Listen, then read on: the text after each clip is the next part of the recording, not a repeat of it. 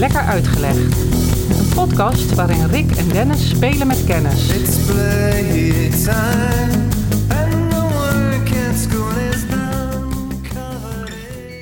We hebben tijd geleden hebben we het al eens over geeltjes gehad. Ja. Over die steentjes. Ja. En eh, toen dacht ik van ja, dat, dat blijft, blijft mij wel heel erg boeien hoe wij dingen maken. En ehm, dat, is, dat is één ding, maken. En het tweede is, en dat was eigenlijk een beetje een soort startpunt van meten, is niet altijd weten. Dus daar ging het vandaag, gaat het vandaag over. Die twee gecombineerd. Ja, die twee dingen gecombineerd met een verhaal waarvan ik hoop dat jij dat eh, nog niet kent. En als wel, nou, dan misschien heb jij wel weer een hele leuke aan. Nou, het klinkt een beetje zoals ik af en toe aan het klussen ben. Dan probeer ik iets te maken. Ja, dat is het eerste onderdeel. Dan ga ik meten en dan ga ik het in elkaar zetten. En dan blijk ik het dus inderdaad niet te weten. Want dan is het niet goed of eh, het lijkt nergens op. Maar dat, dat maken is dan vaak van iets van hout bijvoorbeeld. Ja, of zo. Maar dan heb je niet iets van de IKEA gekocht. Nee, Want nee, die hoef je nee. alleen maar in de kaart te zetten. Nee, het gaat om dingen eh, uit een boom een heel, eh, hele kast maken. Bij Ja. wijze van spreken. Ja, een niet ambacht. dat- echt een ambacht, ja. Ja. Nee, we zijn daarom... was ik ook wel benieuwd hoe jij dat hebt. We zijn wel heel erg benieuwd met... eh, heel erg bezig met eh, meten van dingen. Jij, jij- als je zoiets aan maken wilt, dan gebruik je dan iets? Als ik wat wil maken, Nou, bijvoorbeeld eh, iets van hout. dan eh tuurlijk heb je gereedschap en Ja. je hebt een potlood en je gaat met een meetlat ga je dingen meten. De meetlat. Die, ja. Ja. precies. En ehm, jij gebruikt een liniaal? Nee, ik heb een eh, Of zo'n rol, rol, rolmaatje. rolmaatje? Ja, die heb ik ook. Net iets handiger voor bochtjes ook en hoekjes. Ja, ik heb hem eh, deze week regelmatig in de hand gehad, omdat we kozijnen zijn wezen opmeten en eh, dat soort zaken. Want we willen eens kijken wat. We hebben een offerte laten opvragen om eh, kunststof kozijnen en zo. Oh ja. Een dubbel glas? Of heb je er Ja, en dat eh, alle- allerlei isolatiestappen te maken en kijken wat dat allemaal kost. Dus ik heb het nodige moeten inmeten. Ah, oké. Maar er verder niks gemaakt. Dat maken laat ik dan weer over. Nee, eh, dat laat door een ander. En eh, dat staat in welke maatvorm? Welke vierkwartsmaat? Nee, in, in welke maat een, meeteenheid? meters. Ja, is het metrische stelsel. Ja, dat doen we dus in zowat heel Nederland, eh, denk ik. Ja, Duitsers, Belgen, ja. Zweden, Engels. Ah, Zweden zeker. Engelsen niet. Aha, Engelsen niet. Amerikanen? Ook niet. Ook niet, nee. Want die doen het weer... eh, Anders. die doen het anders. Ja, maar er staan ook twee meet. eh, Daarom, dat wil ik vragen. Heb je op die meetlat uh, Ja. Rolmop, rolmop, eh, rol, eh, maat, Ja, daar staan eh, inches? inches en centimeters. Nou ja, die, dat is de maat van de Amerikanen en de Engelsen nog steeds. Hè? Dus eh, ze noemen dat ook wel eh, de Imperial. Maar ja, ja, vroeger hadden we ook nog de duim, de L, et cetera. Ja, klopt. Eh, krijg ik het zo meteen nog over? De bunder. Ja, ons. Ons? Ons. Wat is dat? 100 gram. Ons, ja. Had ik als ik klein was, toen kon ik dat nooit onthouden. En dan eh, zaten we in de auto en dan gingen we bijvoorbeeld naar, naar oom of tante toe. Dan was ik er altijd al bang voor. En dan ging mijn vader zeggen van... Dennis, ja, hoeveel gram is een ons? Nou, dat wist ik natuurlijk niet. Dus dan zei ik het verkeerd. En nee, hoeveel gram is een pond? Zei ik het weer verkeerd? Nee. En dan kwam je altijd met het ezelsbruggetje. Kilo, pond, ons. En dat moest dan mij vertellen. En ik doe nu even mijn vuisten op elkaar. En dan maak ik eh, bij kilo en bij pond doe ik twee, Twee vuisten. vuisten. En bij ons doe ik tien vingers. Ah. En dat was dan het ezelsbruggetje van mijn vader, waar eh, ik moest weten van hè, een, twee ponden is één kilo. En eh, 10 ons is een kilo. En zo een beetje. eh, Maar je hebt het wel onthouden. Ook, ook, ook het eh, ezelsbruggetje. Het ezelsbruggetje weet Ja. ik ook nog. Ja, het is er goed ingeramd uiteindelijk. Het heeft lang geduurd, maar uiteindelijk kwam het. Maar dat zijn inderdaad metrische eenheden. Dus, Mhm. eh, want dat zijn gewichten. Dat doen de Engelsen ook weer anders. Ja, de De stoom. ounces, stone, pounds. Pounds is ook niet hetzelfde als en ponden. Nee, dat is Dat dat, heb ik een tijd hè? Is dat? Ja, ja, ja. Maar dat heb ik eens tijd gedacht. En ik ging je meten. Denk, dat klopt helemaal niet. Nee. nee. Pounds is geen pond. En eh, oh, je hebt volumes ook nog. Ja, Pints, gallons. gallons. Dus ehm, ja, wat jij al zei, wij hadden vroeger ook andere maten. We hadden de duim. En eh, die vind ik altijd zo mooi. De oppervlaktemaat. De morgen. De morgen, ja. Morgen. Goedemorgen. Ja. Nee, eh, dat was zoiets, geloof ik, de hoeveelheid land die kon bewerken in één Ja, ochtend, geloof ik. Maar dat is misschien apocrief of... Ik weet het niet, maar ja, toen werden wel heel veel praktische zaken gekoppeld aan eenheden. Hè? Dus eh, Ja, want, ja, inderdaad. Want voor eh, de Fransen eh, bij ons zijn geweest... en Ja. ons, eh, zeg maar, de meter... even heel, veel- heel, veel kort door de bocht. Hè, Ja. Maar zo, wat is het, 18... ja, 20 was of dat- zo. Was dat met Napoleon? Ja, net na Napo- Napoleon is volgens mij bij ons ook de, de gekozen voor het De metriekstelsel. Code Napoleon. Ja, daarna inderdaad, een, eh, daarin staat dan de meter centraal. Mhm. Dat was, ligt geloof ik nog steeds in Parijs ook een Ja. staaf van... Van een meter. Ja, en van een bepaalde... ja, dat ook. en van, van een bepaalde stof die nou, Ja, ja, ja. eh, in een bepaald metaal was het. Iets van eh, platina of zo. Ja, zoiets. Iets van Ja. dat hem, ja, klopt. Nou, dat is de meter. Maar wij, wat je zegt, hebben inderdaad ook eh, veel meer eh, maten gehad. Ehm, en in het verleden werden maten dan ook vaak eh, aan de hand van lichaamsafstanden. Ja. want de L, is van L? de elleboog. L is van elleboog tot en met topje van je middelvinger, geloof ik. Ja, ja, ja. Meen ik? Ja, Ja? dat kan wel heel goed. En je had natuurlijk de hand. Ja, werd die ook gebruikt? Nou ja, gewoon als vingers hè, om te tellen. Wat jij net Ja, ook ja, deed ja, met eh, eh, een pond is vijf ons. Dus, Ja, dus maar gewoon meer de vingers. De duim, Ja. eh, dat is nog steeds een maat die wij gebruiken, ja of nee?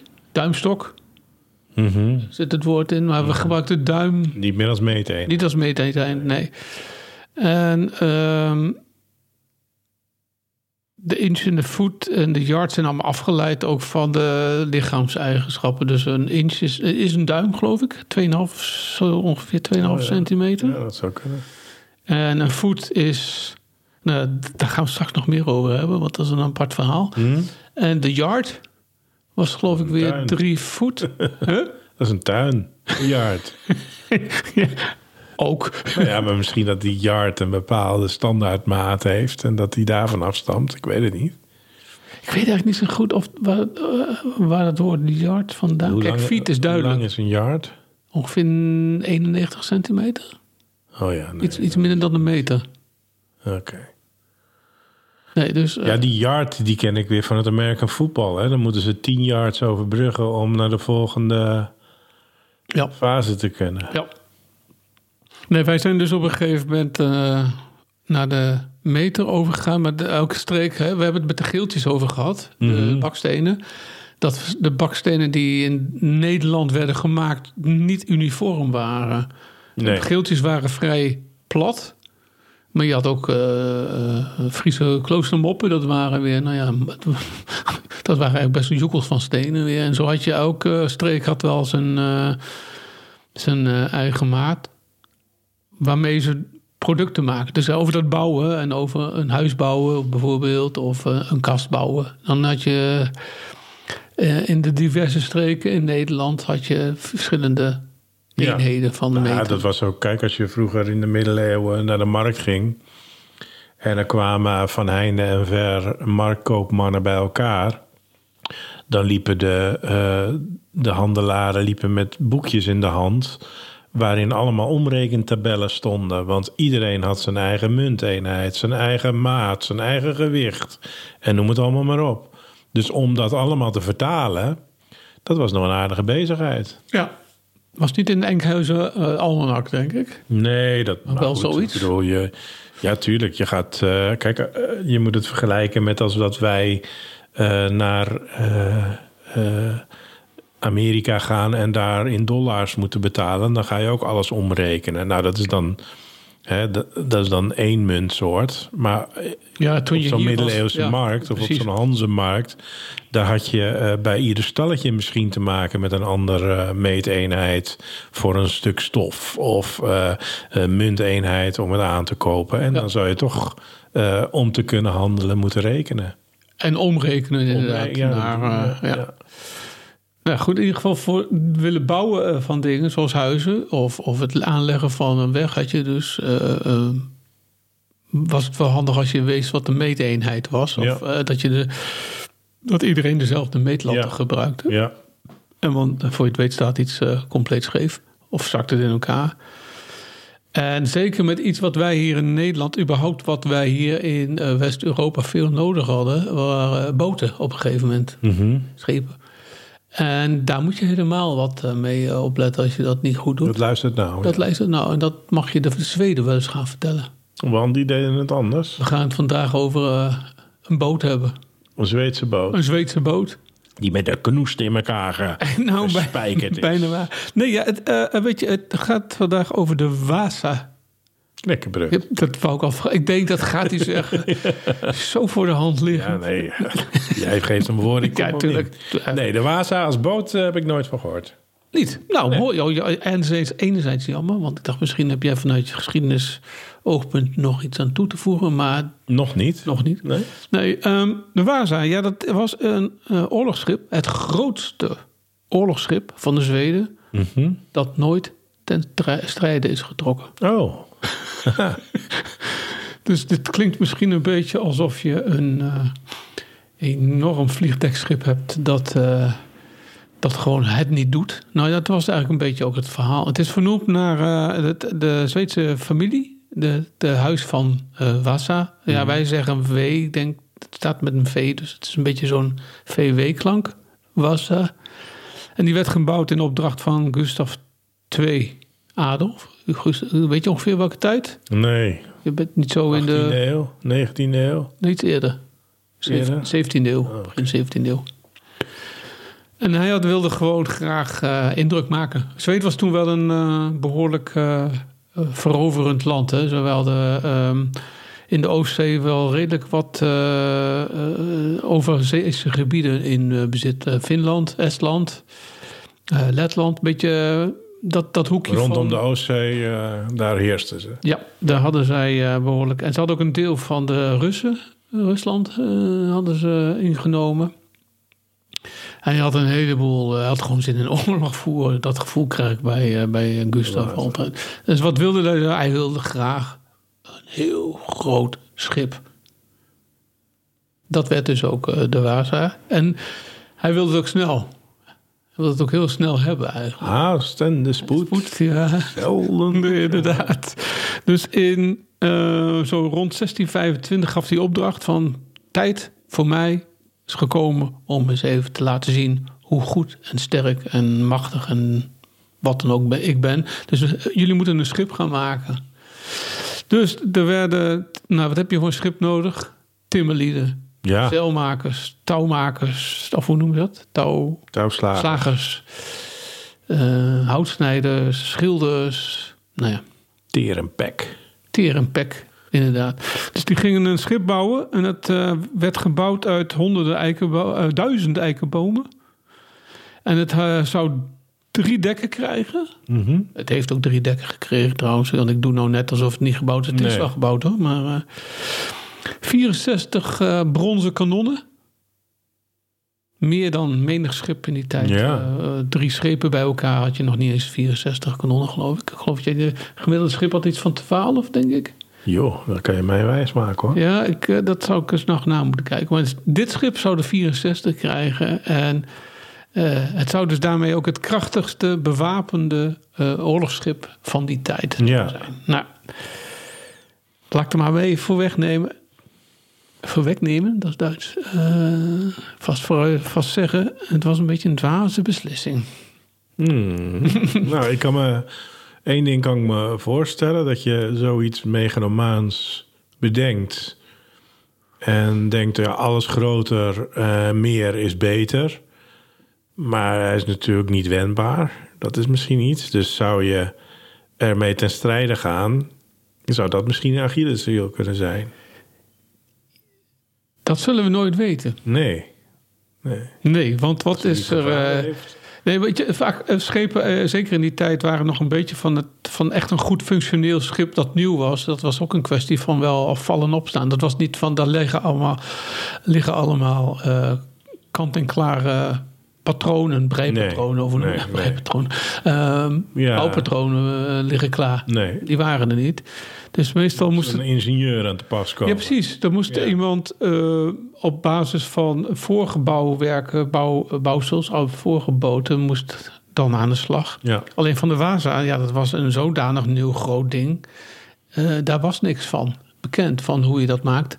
Dus ze moesten constant bedenken van wat doen we hier nu en hoe bouwen we dit. Ehm, dus men ging aan de slag en de hoofd, eh, de meeste scheepsbouwer, dat was een Nederlander. Oké. Ja, eh, Hendrik eh, Hubertson. Ja, hij klinkt niet Nederlands, maar Hubertson. Hu- Hu- Hubertson. En die werd aangesteld om te gaan eh, eh, Ontwerp. bouwen, aan, ja, ontwerpen, maar ook om het overzicht te houden. Dus Ja. als ehm, voorman, als het ware, Ja. eh, aan de slag te gaan. Maar helaas, de beste man sterft halverwege de bouw. Dat zou je zien, hè? Ja, zul je net zien. En eh, men ging wel verder.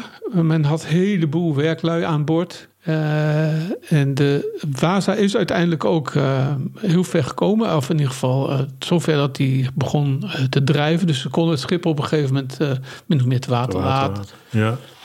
En ehm, op dat moment eh, dacht eh, de schipper, dat was eh Severin Hansson, die wilde wel eens even kijken hoe zit het, want die moest gaan varen ermee, van hoe stabiel is dit ding eigenlijk. Dus die heeft gevraagd aan eh 30 man om heen en weer te rennen op het schip. En na een paar keer heen en weer rennen begon het schip ongelooflijk gevaarlijk te Oh ja, wankelen. van dus, voor naar achter. Naar ja, idee. inderdaad, letterlijk van Ja. voor naar achter. Dus Maar, dat, maar gingen, er, gingen er geen eh, geeltjes in, waar we het al eens over gehad hadden, als ballast? Dat is inderdaad, eh, eh, is, heeft men eh, wel eh, gedaan. Eh, dat eh, hielp niet. Oké, Onvoldoende in ieder geval. was niet de oplossing. Nee, nou ja, het, het, het schip begon dus bijna te kapseizen. eh, en, maar het probleem werd genegeerd. Ook al omdat de koning had een hele sterke hand gehad in het ontwerp. En, en, en Hmm. Ja. ook zijn baby's. Hè, zijn, eh, hij- voor hem werd het gemaakt. En, maar hij was er niet. Dus men heeft ook niet tegen hem gezegd van... luister eens koning... De boel is eh, niet zo stabiel als we zouden willen. Nee. Ja, dus hij was er niet, dus ze hebben hem ook niet ge- geïnformeerd. Dus ze zijn gewoon door gaan bouwen. Nou, ehm, maart 2, negen- eh, 19, eh, 1628. Of eh, augustus, sorry, niet maart. Ik denk dat er dan nog eh, ijs in, de, in het water ligt van Ja. de Oostzee. In augustus 1628 eh, zo, eh, was het dan zover, zou het dan eindelijk eh, losgaan. Dus ze hebben de boten, eh, boot hebben ze in het water gehad. Eh, er werden zeilen ontrold. En een lichte bries duwde het schip van de kade weg. De streum van Stockholm. De streum is zeg maar de, de soort van baai Ja, achtig iets van Stockholm. En het publiek werd helemaal enthousiast en juichte. En toen begon men te gillen. Want het schip, een lichte bries, hè, het was niet eens slecht weer Nee. of zo. maar Een lichte bries duwde langzaam de, de zeilenbol. En duwde langzamerhand Jeetje, er was helemaal geen eh, balans. helemaal niks. Je moet je ook voorstellen, het waren drie dekken. Dus het was ook een heel hoog schip. Dan moet je een bepaalde diepgang hebben om dat te combineren. Precies, of een bepaalde breedte. Ja, Want als je een heel smal schip heel hoog bouwt, ja, ja, dan dat, is, gaat die om. dat gaat omkantelen. Om, eh, vooral. Dus de natuurkunde was, de natuurkundige die, die de berekeningen moest doen, die was niet heel erg wakker geweest. Mm, nee. Hmm. Dat is inderdaad wel wat speelde. Ehm schip ging eh, kantelen. Water drong binnen aan de kant waar die het water raakte. Dus daar wilde men op nog even de geschutspoort die stonden open, willen ze dicht doen. Nee, forget it. Te laat. Ehm, het schijnt dat één overlevend eh, bemanningslid zich later herinneren dat, dat hij eigenlijk niet meer naar buiten kon op het moment dat hij op het benedendek aankwam. Dus Nee, zo snel is het water eh, naar binnen gegaan. Dus ehm, ik vraag me ook af eh, of de schipper, kapitein, heeft eh, lopen zingen nog. Want dat gebeurt toch altijd op schepen, dat eh, de kapitein eh, moet zingen met het schip om ten onder gaan? Of ben ik weet ik niet. Nee, weet Nee, niet. Zal hij daar het besef? Dat ging zo snel. Ja, het ging precies. ik denk dat hij niet eens had bedacht welk liedje die, die zou moeten aanvangen. Dan weet ik veel. Geef me wind en zeilen. Ja, Zoiets. ja dat kreeg hij. Of eh We Are Sailing. Ja, die RC. Oeh, Ja. Nou, dat deed hij dus niet, hè, Nee. dat zeilen. Nee, het, eh, het, eh, het schip eh, was ook met allerlei mensen bemand. Vrouwen, Ja. kinderen ook Ja. trouwens. Die zijn overboord gesprongen.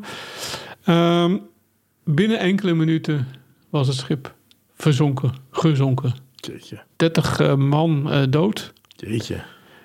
En het had amper 4000 voet afgelegd. En was de koning daarbij? Wat bij dat heugelijke feit? Ja, dat, wa- dat was, eh, daar was hij wel bij. Ja, jeetje. Een deceptie zeg. Ja, nogal. Ja, dus ik zei al, hij heeft 4000 voet afgelegd. Enig idee hoe ver dat is? Nee. Oh, meestal kun je het wel zo door drie delen ongeveer. Dus dan is het eh 1,3 kilometer. Hij is de haven eigenlijk niet uitgekomen. Nee. Nou, ja, zonde. hè. Heel groot boot en niks. eh. Nee, we- we- eh, men is toen ook op als eh, eis van de koning gaan kijken van wat is er nou gebeurd? Waarom is dat, waarom is dat schip gezonken? Nou, een ervan bedacht eh, dat het misschien te maken had met de kanonnen die aan één kant te, zwaar waren waardoor het schip overhelde. Nou, dat was niet het geval. Ehm Zwak excuus. Nee, eh, wat jij al eh, zei. eh Vaza was gewoon topzwaar. Ja, De, de, de verhouding tussen diepgang, breedte en opbouw... Ja, die was helemaal verkeerd. Dus het schip eh, verzonk.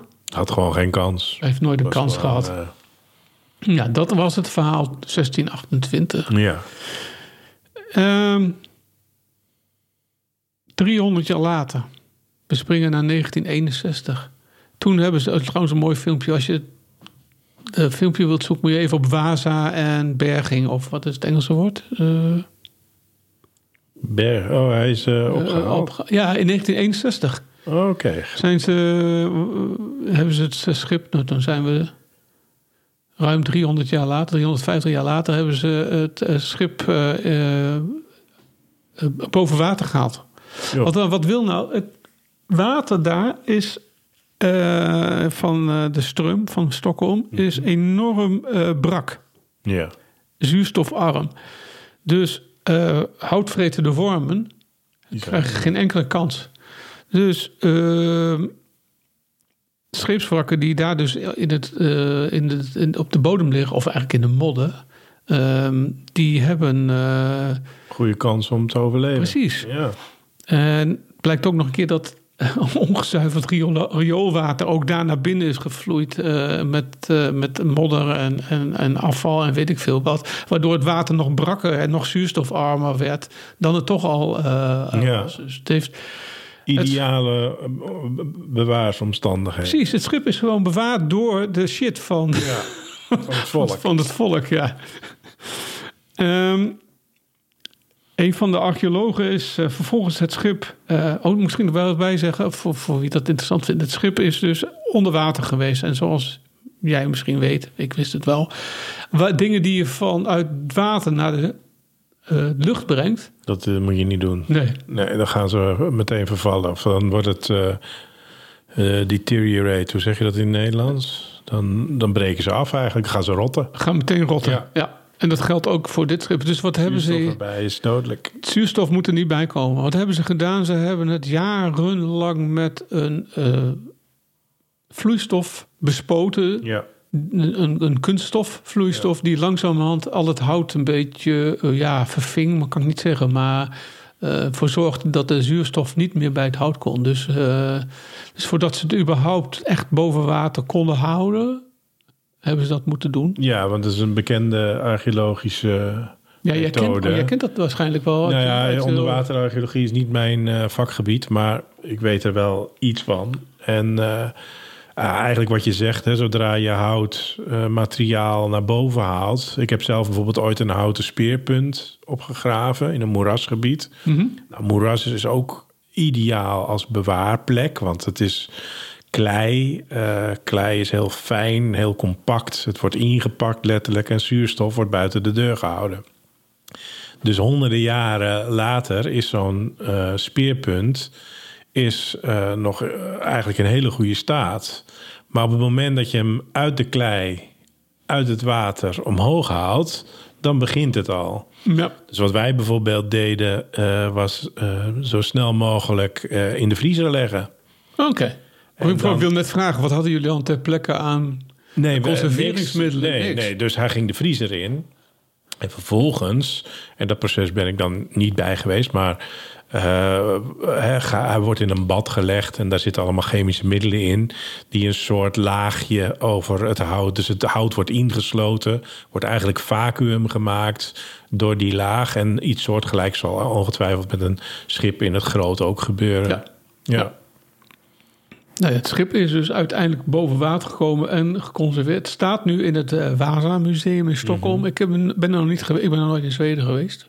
Denemarken en Noorwegen wel, maar staat wel op het lijstje nu om dit te gaan doen. Want het, het, het is dus een. eh, ik wil het wel, wel het woord protserig noemen. Want het is een, eh, protserig in de zin van hoe groter. eh, kijk, mij is. Ja, ja, nee, het is een voorbeeld Macht, van grootheidswaan.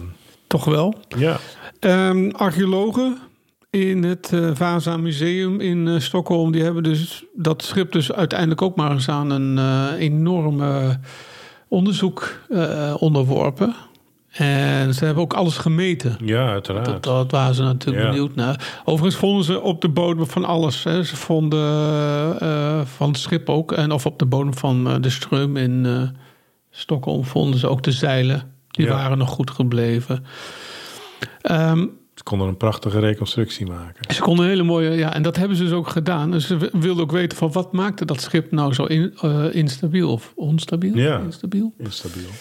De, meer dan dat.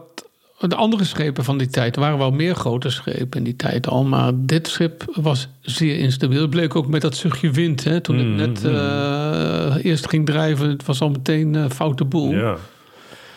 En het blijkt dat het schip heel asymmetrisch was. Oh. Ehm, aan de bakboordzijde van het schip was meer scheepsconstructie dan aan de eh, stuurboordzijde. Dus zonder ballast zou het schip sowieso al overhellen naar, naar bakboord. Eh, eh, toen de wind er dus ook nog een keer bij kwam, ja, toen was het, was het helemaal. Als je, dan kon je eigenlijk alleen maar goed varen als de wind van, eh, Ja, van één kant. van één kant, eh, namelijk de kant waar eh, het gewicht is, Ja. zodat hij het gewicht de hele tijd Ja. omhoog duwde, of het schip recht duwde. Ehm, maar waarom lag het nou zo scheef? Nou, een Hokker, een van de archeologen, die hebben ehm, meetlatten gevonden in het schip die Nee. gebruikt zijn. En die linealen waren destijds, noem het linealen, meetlatten, die waren gebaseerd op verschillende maatstaven. Ja. Twee waren in Zweedse voeten. Ja. Die zijn, dat is ongeveer 29,5 eh, centimeter in, Ja. onze, in onze meeteenheden. En die waren verdeeld in 12 inches. Mhm. En de andere twee, het was een Nederlandse, hè, de baas Ja. was een Nederland, waren Amsterdamse voeten. En dat is eh 28,3 centimeter. Dus dat scheelt 1,2, 1,3 centimeter. Ja, maar dan ga je wel gigantisch de fout in natuurlijk. Ja, zo'n klein foutje wordt op een gegeven moment wordt heel groot. wordt heel groot. Dus Ja. elk is, daar is dus nooit goed eh, opgelet. Nee, maar het is ook... Ik bedoel, eh, als je toch een beetje logisch kunt nadenken... eh, dan weet je dat een schip... nou ja, eh, eigenlijk gespiegeld moet zijn. Ja, het moet symmetrisch zijn. Ja, het moet symmetrisch zijn. Meesten hebben dat ook. Ja, je hebt van die schepen uit, eh, uit Indonesië met twee van die waarin Ja, maar mensen. dan in- heb je van die steun. Ja, eh, ja. ja, je dat balken, zeg maar. Ja, Die in het water, verderop in het water liggen. Ja. En dan wordt het in balans gehouden. Eh, balans is dus heel Dat is belangrijk. dus heel belangrijk. Ja, dus je moet altijd die balans. Het Ja. kan zijn door te spiegelen of het kan zijn door het gewicht goed te verdelen. Ja, dat is dus in beide gevallen hier niet Ja. gebeurd. Dus bakbordzijde over zwaar, maar ook nog een keer twee verschillende maat, misschien Ja. wel meer. Maar men heeft in ieder geval een, meetlatten van. eh, Stelletje prutsers hebben het Die nogal, ja. Hè? Dus dat is eigenlijk uiteindelijk de reden geweest dat de Vaza niet alleen doordat hij topzwaar was en eh, aan bakboordzijde te veel eh, gewicht had vergeleken met stuurboordzijde, maar ook nog een keer dat de maten in het schip zelf van verschillende orde waren. Nou, dat zou hetzelfde zijn als je een huis zou bouwen met, eh, met meerdere steentjes, alle, eh, verschillende soorten Ja, steentjes. stenen, wordt het ook nooit wat. Nee. Nee. Dus Maar hadden ze een hekel aan die koning? Of interesseerden ze het ze niet? Of dachten ze van, nou, dat is een lekkere klus waar we geld mee kunnen verdienen. En eh, we doen maar wat, joh, kan ons het schelen. Die vent is het toch nooit. Nou, de koning heeft zelf het ontwerp gemaakt, schijnt. Dus en dat moest ook wel worden uitgevoerd. Eh, Op het moment dat jij als eh, werkman daar bezig bent en de koning zegt: Ja, doe dit. Man is een werk, die man is enorm machtig. Ja, Dus jij doet je werk. ja, En je wordt voor betaald. ja. En er moest zat ook wel enige haast achter. Dus allerlei factoren die dan vervolgens ook nog een keer door het slechte ontwerp eh, worden verergerd door verschillende meetlatten. Nou ja, eh, recipe voor eh Chaos. en disaster inderdaad. Dus dat is, dat is mijn verhaal van de, van de Waza vandaag. Nou, mooi dat hij ook nog gewoon te zien is. Dus denk dat als ik in eh, Stockholm ben, dat ik hem ook maar eens ga bekijken. Ja. Dan heb ik er een goed verhaal bij in ieder geval. inderdaad. Wil je nog wat bij de weetjes weten? Ja. Ja, dat is wel misschien nog wel leuk. Hè? Nou, we hadden het al over eh, die voeten. Mhm. Dus ik ben ook eens. eh, is- er is leuke informatie over meeteenheden en, en over maten te vinden op, op internet en in boeken. Ik heb overigens ook gekeken of er een goed boek is eh, over de Vasa. Wel over eh, de berging. Ik heb nog niet. Tenminste, een boek wat ik ook wel lekker vond om te lezen. Dus eh, op internet kun je gelukkig wel een heleboel. Je kunt ook het filmpje van de berging zien. En, Ja. eh, je kunt geen filmpje zien van de Maiden Voyage van. Nee, helaas. dat had ik wel willen zien. Zo van je staat daar. het Ja, ja, ja, ja. Oh jee. Nog geen anderhalf Nou kilometer. ja, dat zou wel vaker gebeurd zijn. Ik bedoel, als je, als je dat zou googlen... met eh, boten, die schepen die van, eh, van de kant, zeg maar, het ruime sop kiezen... en die bij, eh, bij het eerste contact met water meteen omslaan. Ik bedoel, denk dat zou wel. niet uniek zijn. Nee, denk het niet. Nee. Nee, nee. Nee oké, maar voeten dus. Ja, Ehm, heb je enig idee wie de grootste voeten had? de grootste voeten had van de wereld... En meeteenheid. Ik denk, we moeten nog naar personen toe. In me nee, joh, geen idee. Ik heb echt geen flauw idee. De Venetiërs, Oh, ja, want 34,8. Daarna de Fransen met een 32,5 ongeveer. Mhm. En de, de kleinste waren de Belgen uit Ieper en Veurne. Die zaten nog eh, niet eens aan de 27,5. Dus er zat tussen de grootste twee voeten zat 7 centimeter verschil. Als die hadden samengewerkt. Ja, maar goed, ik bedoel, Ieper die heeft eh, hè, bekend om de lakenhandel. Ja. Als die nou een bestelling uit Frankrijk krijgt voor eh, duizend voet laken. Oeh, ja. en de Fransen die betalen Per grof per voet. En die krijgen een klein eh, een stukje eh, textiel Ja. terug die, die weet ik ook- meters korter is. Oh, zou dat ook meegemaakt hebben? Ja, je weet het niet. Zou je niet weten, hè? Nee. En eh, qua duimen ben ik waren... de kortste? Je hebt, je hebt, ja, Ik heb een hele gekke duim. ja, je hebt korter dan ik, hè? Ja, ik heb van die en een rare nagel heb ik ook. Oh ja, je, hebt een, je, je bent Twee. breed. Breed en kort. Ja, ik heb ook twee duimen. Nee, maar ik bedoel, ze zijn allebei zo. Oh, zo. Mijn, mijn zus die heeft één zo'n duim en één wat meer normale. Dat is een familietrek. Dat, dat moet dan haast. Zou je denken. Dat denk ik dan, ja. Ja, zou Ik je, heb er geen uitgebreid onderzoek naar gedaan, maar... eh, Maar ik denk dat jij niet uit Nijmegen komt. Nee, zeker niet. Want eh, het, het schijnt dat die de grootste duim hadden qua meeteenheid. Ah, oké. En samen met de Fransen. Dus eh, dat, dat, dat even wat betreft die eh, Maten. maten. Maar ik ben natuurlijk wel iets verder gegaan. Ook gaan kijken van hoe zat het nou dan met eh, andere momenten in de geschiedenis. Wat jij zegt, al zullen wel vaker boten Ja. gelanceerd zijn die het niet redden. Zijn er wel vaker momenten geweest dat men, en dat heet dan in het Engels de metric mix-up. Ja, eh, meerdere maten gebruiken en dan Ja. ook vooral de verwarring. ja. Nou, eentje, en eh, dat wist ik helemaal niet, maar dat is leuk als je dat soort dingen even mag uitzoeken van, Mhm. van jezelf voor de podcast. Ken je de Mars Climate eh, Orbiter nog? Zeg je dat nog iets? Ja, de naam wel, maar verder kan ik me daar geen verhaal bij bedenken. Dat was in, in september 98, of december 98 is die, was een soort... Satelliet? Ja, een zonde. Zonde, ja. En later kun je ook zeggen, het was inderdaad zonde, want Ja. Eh, was 6600 kilo wegend eh ruimtevaartuigje. Het was niet eens zo heel groot, maar 600 kilo kun je wel voorstellen. Dat is, eh, Mhm. werd in de lucht geschoten en die ging naar Mars. Mars Climate Orbiter, dat zei het al. 670 kilometer verderop. 670 miljoen kilometer verderop.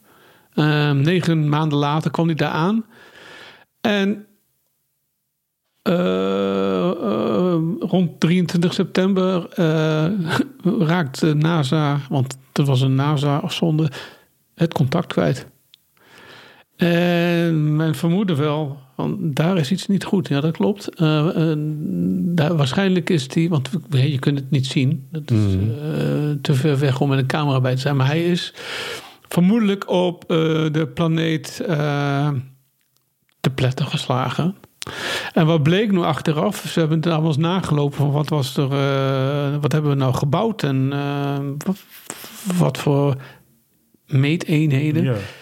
Het blijkt nou dat achteraf eh, dat de berekening voor de stuurmotoren werd uitgevoerd met de Brits-Amerikaanse, dus de Imperial System. De, het meten van de stuurboord. De, de, de berekening van de stuurmotoren, sorry, Oh, stuurmotoren. stuurmotoren, neem ik vaak, werden uitgevoerd met maten uit de Imperial System, dus de Brits-Amerikaanse. En dat waren eh, pounds per second. Dus dat is de hoeveelheid energie of kracht die die eh, uitstoot. Ja.